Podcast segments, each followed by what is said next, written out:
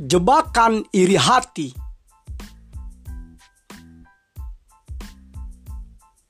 Shalom mitra produktif. Jumpa lagi dengan saya, Pastor Tommy Ringo di YouTube Tahta Daud Channel dan di podcast Anchor Produktif dalam program 50 episode kehidupan yang dikendalikan oleh tujuan yang alkitabiah. Untuk apa kita ada di dunia ini? Episode 41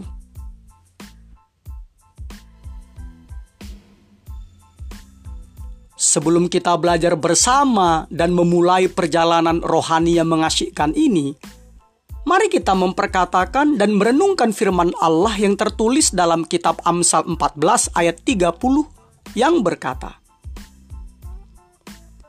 Hati yang tenang menyegarkan tubuh, tetapi iri hati membusukkan tulang.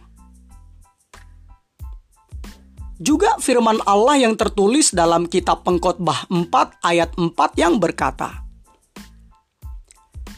Dan aku melihat bahwa segala jerih payah dan segala kecakapan dalam pekerjaan adalah iri hati seseorang terhadap yang lain. Ini pun kesia-siaan dan usaha menjaring angin.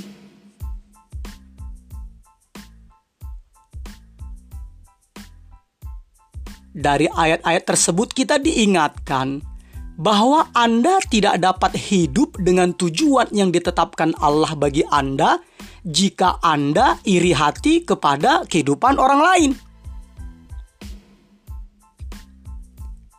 Iri hati adalah keinginan daging yang kedelapan dari daftar keinginan daging yang tertulis dalam surat Galatia 5 ayat 19 sampai 21 dan tidak akan mendapat bagian dalam kerajaan Allah. Menurut Kamus Besar Bahasa Indonesia edisi kelima, iri hati adalah sikap kurang senang melihat kelebihan orang lain, cemburu, sirik,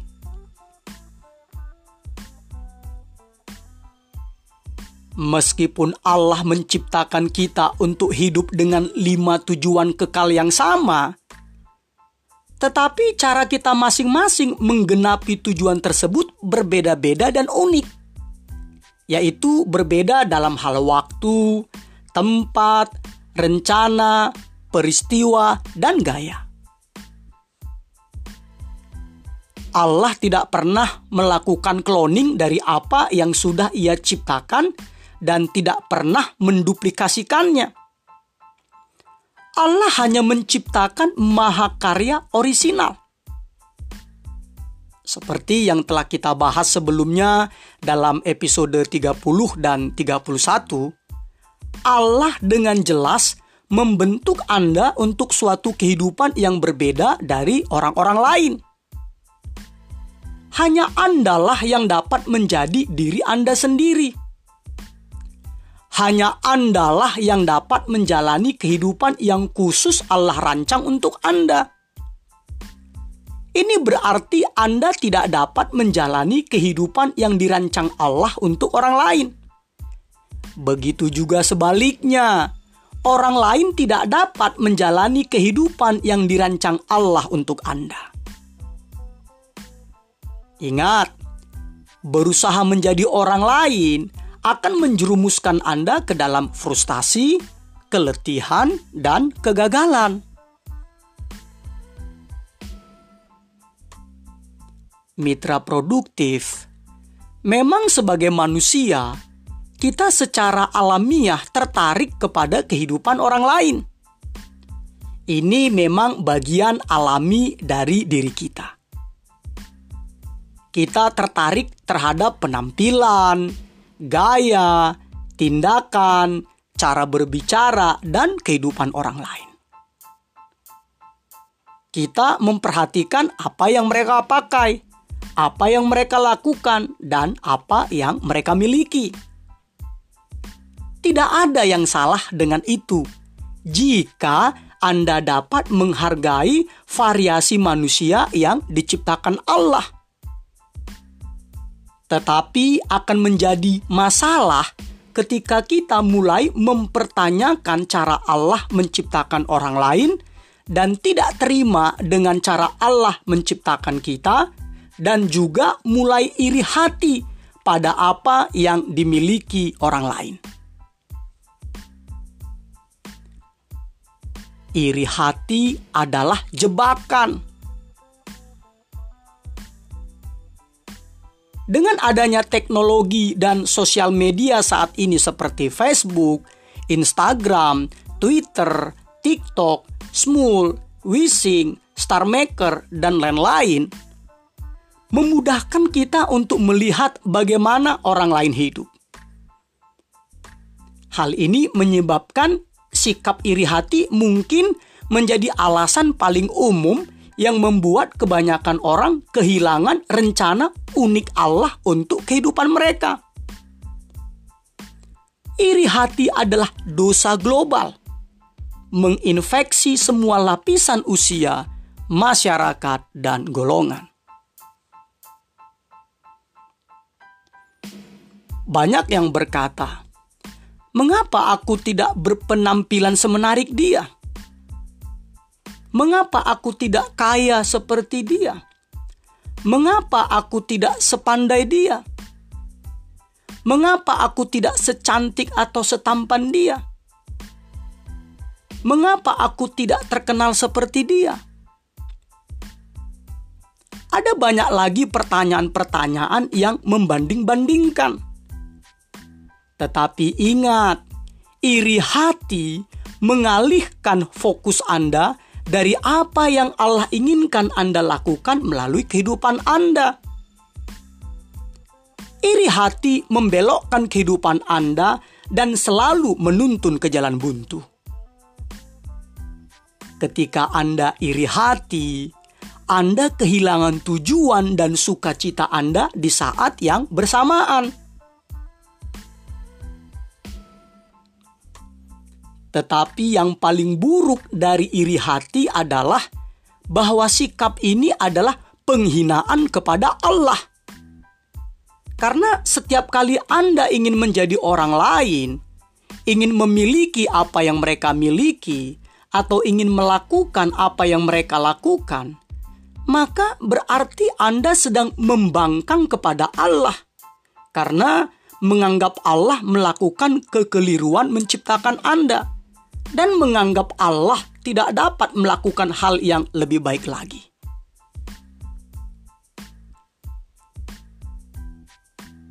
Iri hati sebenarnya adalah pemberontakan rohani kepada Allah Orang yang iri hati menganggap rencananya lebih baik untuk hidupnya dibandingkan dengan rencana Sang Pencipta terhadap dirinya.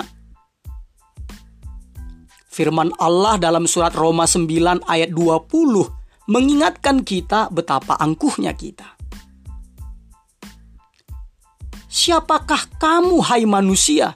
Maka kamu membantah Allah Dapatkah yang dibentuk berkata kepada yang membentuknya, "Mengapakah engkau membentuk aku demikian?"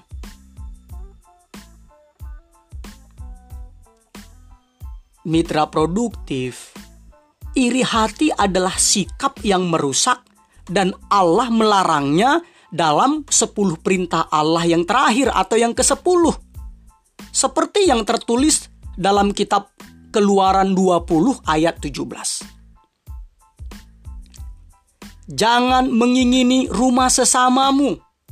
Jangan mengingini istrinya atau hambanya laki-laki atau hambanya perempuan atau lembunya atau keledainya atau apa pun yang dipunyai sesamamu. Mengingini milik orang lain adalah kata lain dari iri hati. Allah sangat melarang kita mengingini apa yang dimiliki orang lain. Apakah itu penampilan mereka, apa yang mereka capai, status sosial, kedudukan, dan jati diri mereka. Mengapa? Karena Allah mengetahui kerusakan fatal, fatal yang parah yang ditimbulkan oleh sikap iri hati ini. Berikut ini lima dampak yang merugikan dari iri hati. Satu, iri hati menyangkal keunikan Anda. Sama seperti sidik jari, sidik mata, sidik kaki, sidik suara, dan detak jantung yang unik dan berbeda. Begitu juga tidak ada dua manusia yang sama. Bahkan kembar identik pun tidak benar-benar sama. Ingat, kita ini buatan Allah.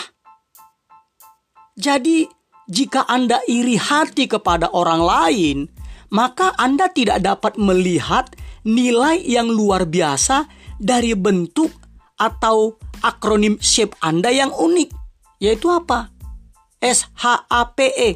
S-nya adalah spiritual gift, karunia-karunia rohani yang Anda miliki. Hanya adalah heart, hal-hal yang membuat Anda bergairah ketika melakukannya.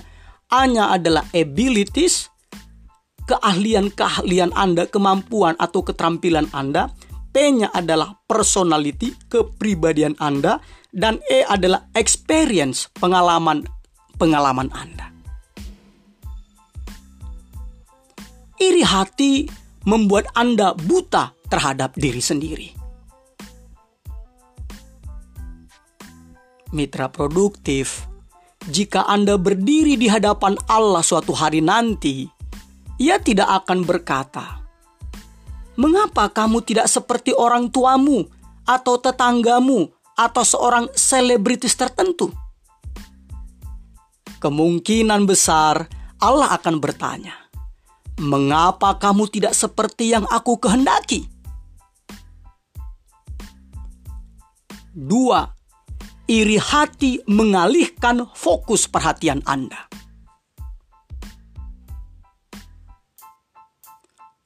Anda tidak dapat berkonsentrasi penuh untuk menjadi apa yang Allah kehendaki ketika Anda iri hati kepada orang lain.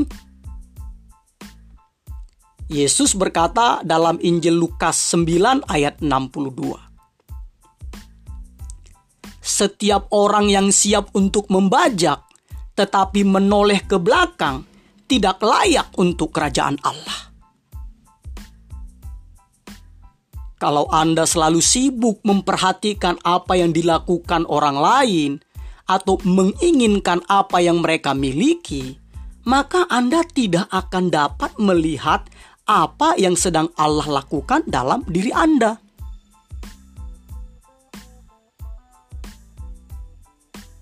Tiga, iri hati menghambat pertumbuhan Anda. Iri hati menyebabkan tekanan, stres, bahkan depresi yang dapat menyebabkan timbulnya berbagai macam penyakit fisik maupun psikis. Makanya firman Allah dalam kitab Amsal 14 ayat 30 berkata, Hati yang tenang menyegarkan tubuh, tetapi iri hati membusukkan tulang.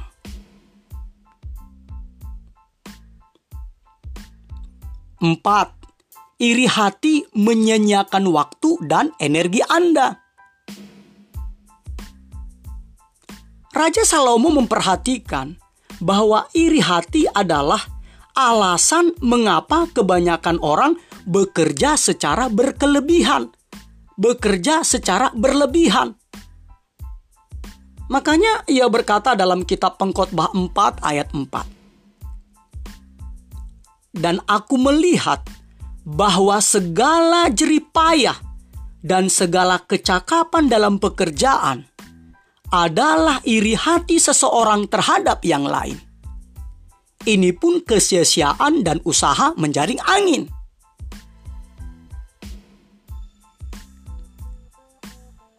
Iri hati adalah musuh dari rasa puas. Orang-orang yang iri hati berkata, Aku harus mempunyai lebih, uang lebih, harta kekayaan lebih, kekuasaan lebih, pengaruh lebih, prestasi lebih, kesenangan lebih, dan popularitas lebih. Banyak orang berusaha keras sampai menderita, bahkan ditimpa kematian. Karena apa? Karena mencoba menyamai atau melebihi orang-orang yang dicemburuinya. Itu adalah kesia-siaan. Makanya firman Allah dalam kitab Amsal 23 ayat 4 sampai 5 berkata, Jangan bersusah payah untuk menjadi kaya. Tinggalkan niatmu ini. Karena engkau mengamat-amatinya, lenyaplah ia. Karena tiba-tiba ia bersayap, lalu terbang ke angkasa seperti Raja Wali. Juga firman Allah dalam surat 1 Timotius 6 ayat 9 sampai 10 berkata, Tetapi mereka yang ingin kaya terjatuh ke dalam pencobaan, ke dalam jerat dan ke dalam berbagai-bagai nafsu yang hampa dan yang mencelakakan, yang menenggelamkan manusia ke dalam keruntuhan dan kebinasaan. Karena akar kejahatan karena akar segala kejahatan ialah cinta uang. Sebab oleh memburu uanglah beberapa orang telah menyimpang dari iman dan menyiksa dirinya dengan berbagai-bagai duka.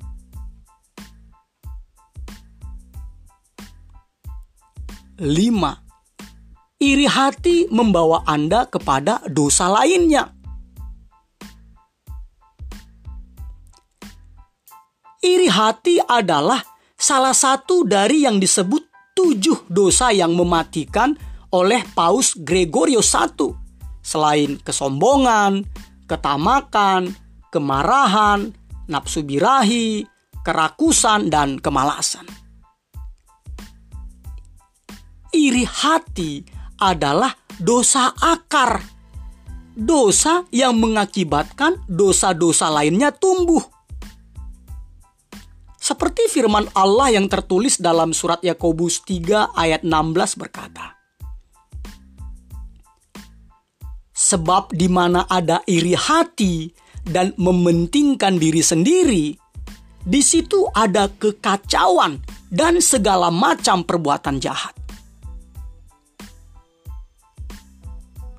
Perhatikanlah bahwa iri hati menyebabkan kekacauan ketika iri hati timbul, ia menciptakan ketidakharmonisan, persaingan, konflik, dan kekacauan lainnya.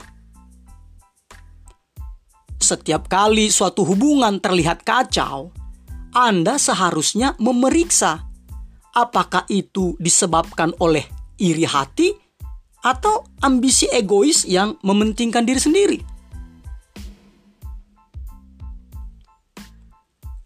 Yakobus 3 ayat 16 juga berkata bahwa iri hati adalah sumber dari segala macam perbuatan jahat.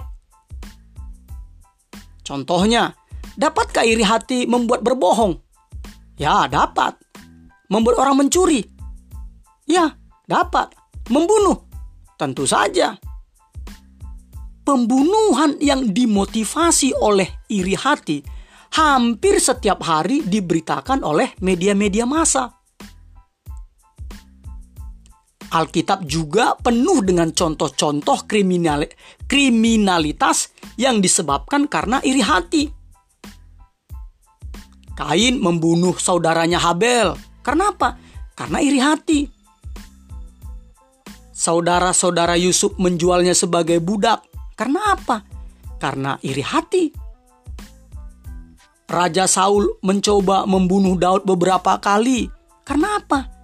Karena iri hati pada popularitasnya. Bahkan Alkitab jelas menyatakan bahwa para pemimpin agama membunuh Yesus. Karena apa? Karena mereka sangat iri hati kepada Yesus. Itu tertulis dalam Matius 27 ayat 18, Markus 15 ayat 10. Iri hati menjangkiti segala hal dalam diri Anda dan mempengaruhi segala hal di sekitar Anda. Jadi, mitra produktif, bagaimana Anda menyingkirkan iri hati dari kehidupan Anda? Puji Tuhan, Alkitab memberikan solusinya.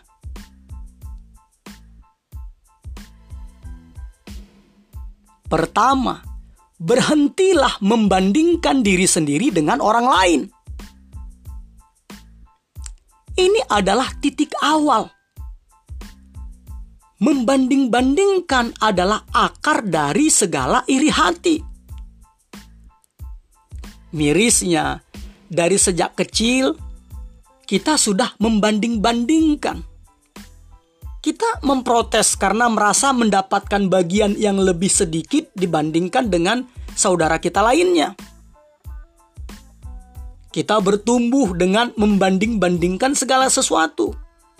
Apakah itu penampilan, benda-benda atau mainan yang kita miliki, nilai di sekolah, kemampuan atletik, talenta, dan lain sebagainya.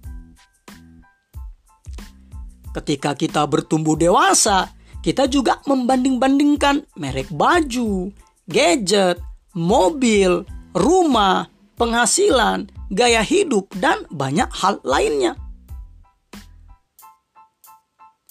Firman Allah dalam 2 Korintus 10 ayat 12 berkata, Alangkah bodohnya mereka yang membanding-bandingkan dirinya dengan orang lain.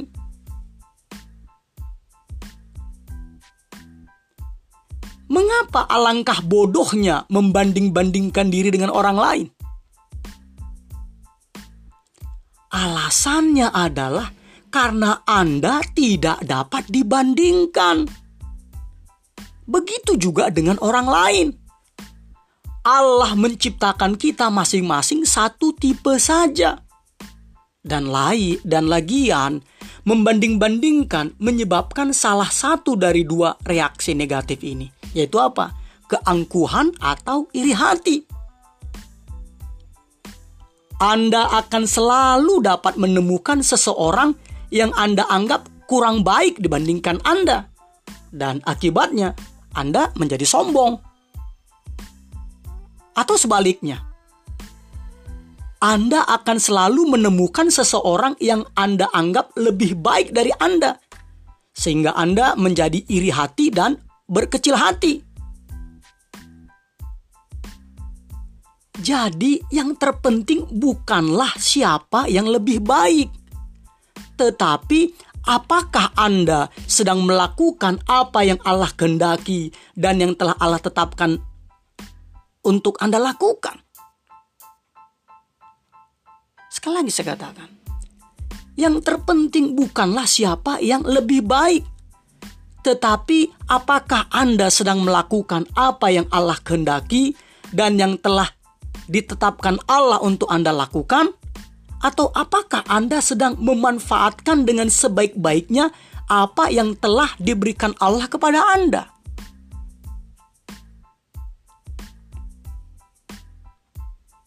Allah tidak akan menghakimi Anda karena talenta yang tidak Anda miliki atau karena kesempatan yang tidak Anda peroleh. Allah mengevaluasi Anda dengan bagaimana Anda hidup dan apa yang Anda lakukan dengan apa yang telah Allah berikan kepada Anda. Mitra produktif, Allah tidak memanggil Anda untuk menjadi yang terbaik di dunia dalam hal apa pun. Allah memanggil Anda untuk menjadi yang terbaik semampu Anda, sesuai dengan latar belakang, pengalaman, kesempatan, dan keahlian Anda yang ada.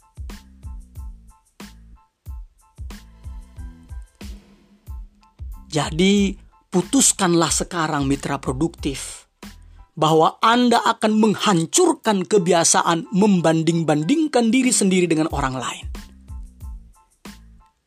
Ini memang perlu waktu, tetapi Anda dapat melatih diri sendiri untuk memusatkan kembali pada sesuatu yang lain ketika Anda tergoda untuk membanding-bandingkan diri Anda dengan orang lain.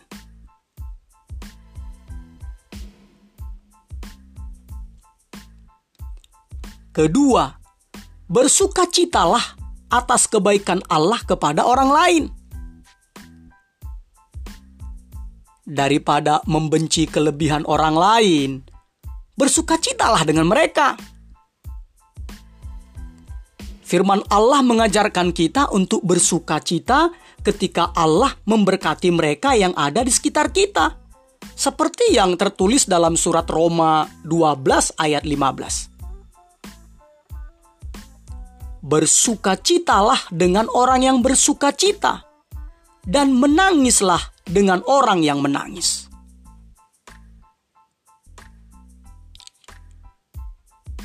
Bagian kedua dari ayat itu mudah dilakukan karena tidak sulit menghibur orang ketika ia terluka atau kehilangan, sekalipun ia adalah saingan Anda. Tetapi jauh lebih sulit untuk merayakan keberhasilan orang lain, terutama jika Anda tidak berhasil di bidang itu, apalagi jika orang tersebut adalah saingan Anda.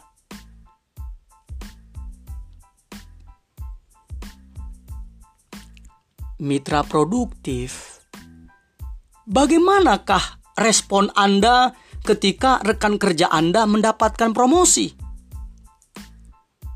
Jika Anda belum menikah, Bagaimanakah respon Anda ketika mendengar atau menerima undangan pernikahan teman Anda?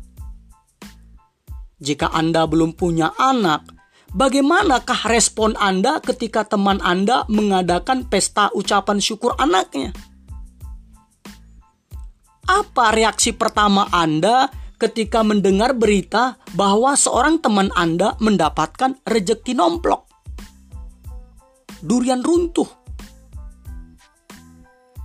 Kapankah Anda terakhir kalinya bersyukur kepada Allah atas apa yang Allah lakukan untuk teman Anda?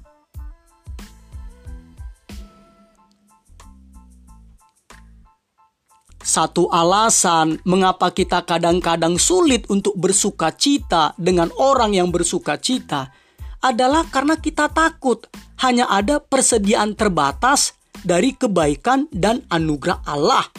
Jadi, jika orang lain mendapatkan potongan kue yang besar, kemungkinan kita tidak akan mendapat porsi yang sama sebesar itu. Tapi yang benar adalah anugerah Allah itu tidak terbatas. Masih ada banyak lagi yang dapat diberikan Allah kepada semua orang, dan masih banyak lagi sisanya, bahkan tak terbatas. Sebab apa? Sebab langit dan bumi beserta segala isinya adalah kepunyaan Allah.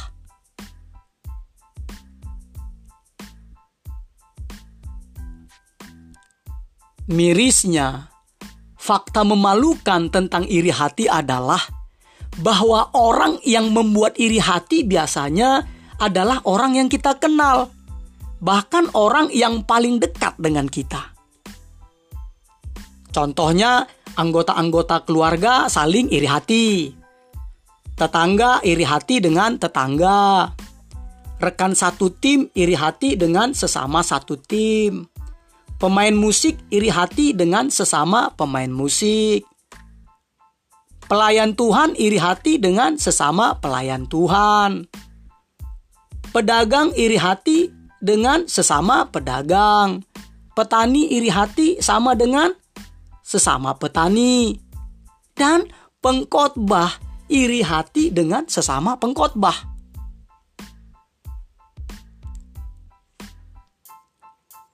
Mitra produktif, jika Anda ingin semakin berbahagia, inilah salah satu rahasianya. Belajarlah menikmati keberhasilan dan sukacita orang lain. Jika Anda baru bisa berbahagia ketika ada hal yang baik yang terjadi kepada Anda, maka Anda akan mengalami lebih banyak lagi ketidakbahagiaan. Karena apa? Karena tidak ada seorang pun yang hanya mengalami hal-hal yang baik saja.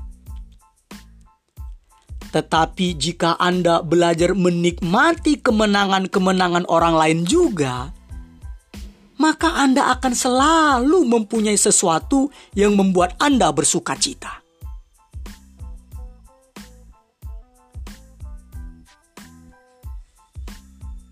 Ketiga, bersyukurlah dengan diri Anda sendiri dan dengan apa pun yang Anda miliki. Semua hal yang Anda miliki adalah kepercayaan yang Allah berikan kepada Anda. Kita masing-masing diberikan kepercayaan oleh Allah menurut kesanggupan kita. Jadi, bersyukur saja.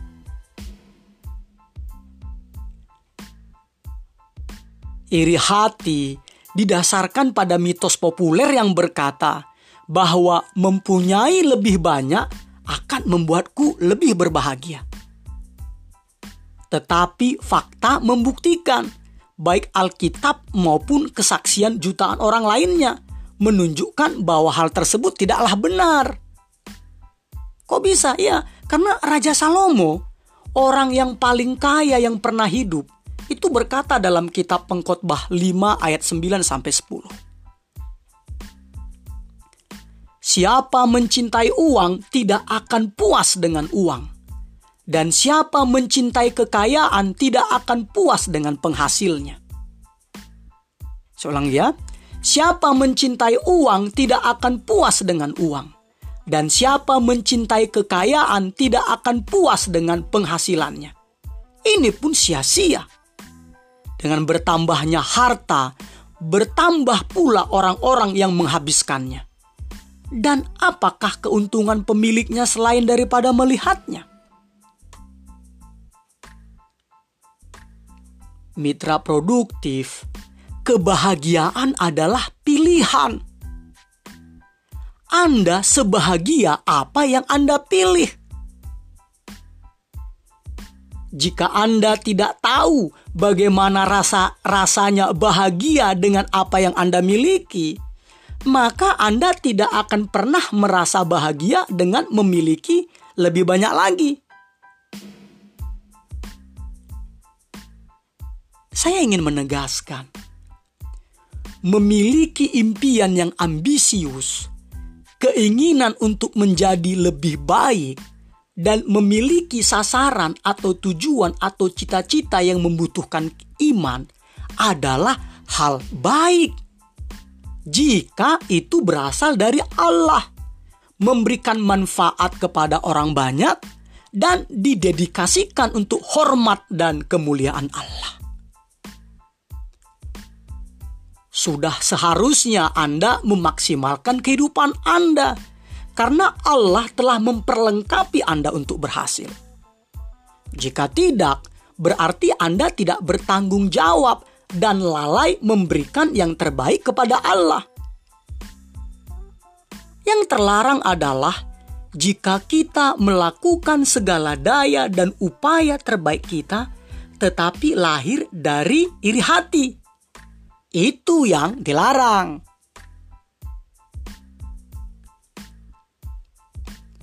Keempat, percayalah kepada Allah ketika hidup kelihatannya tidak adil.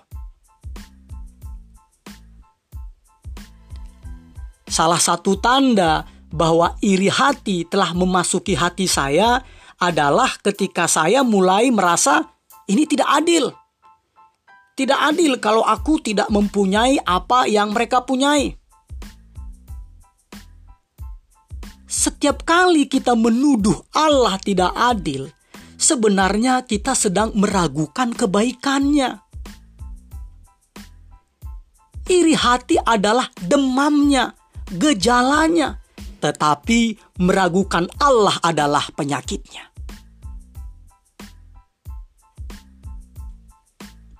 Setiap kali Anda iri hati kepada orang lain, Anda meragukan bahwa Allah mengetahui apa yang terbaik untuk Anda. Anda sedang mempertanyakan kasihnya, keadilannya, bahkan hikmatnya. Mitra produktif, jika Anda mulai mengomel tentang ketidakadilan Allah, ingatkanlah diri Anda tentang fakta-fakta berikut ini. Fakta pertama, semua hal yang aku miliki adalah pemberian Allah. Bahkan aku tidak ada jikalau bukan karena anugerah Allah. Udara yang aku hirup, oksigen yang aku hirup saat ini saja adalah pemberian Allah. Fakta berikutnya, hidup di dunia ini memang tidak adil karena dosa, bukan karena Allah. Jadi, ngapain menyalahkan Dia? Fakta berikutnya, aku bukan maha tahu. Karena itu, karena itu aku tidak tahu akan hari esok. Jadi, kupercayakan saja hidupku kepada Allah yang maha tahu dan yang maha baik itu. Fakta berikutnya, tidak adil bagi Yesus untuk mati menggantikanku karena dosa-dosaku. Tetapi karena kasihnya, ia melakukannya juga.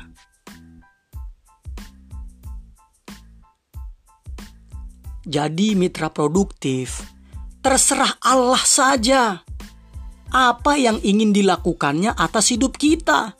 Karena kita adalah ciptaan dan milik kepunyaannya. Firman Allah dalam surat Roma 14 ayat 8 berkata, Sebab jika kita hidup, kita hidup untuk Tuhan. Dan jika kita mati, kita mati untuk Tuhan. Jadi, baik hidup atau mati, kita adalah milik Tuhan. Bersyukurlah atas apa yang Anda dapatkan saat ini, dan teruslah produktif. Nasihat ini akan membantu Anda terhindar dari jebakan iri hati yang membelokkan Anda dari jalan yang ditetapkan Allah untuk Anda.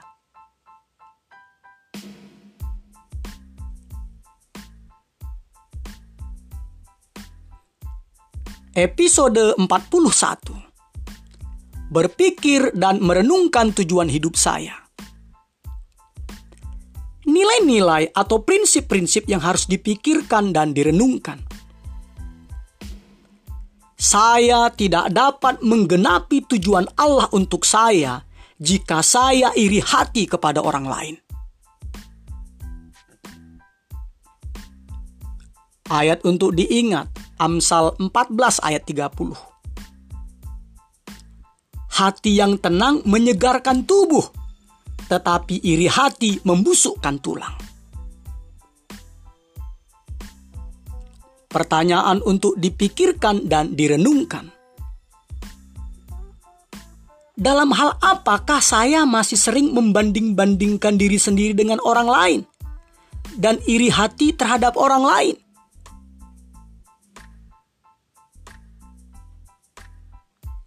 Immanuel, Allah menyertai kita mitra produktif. Amin.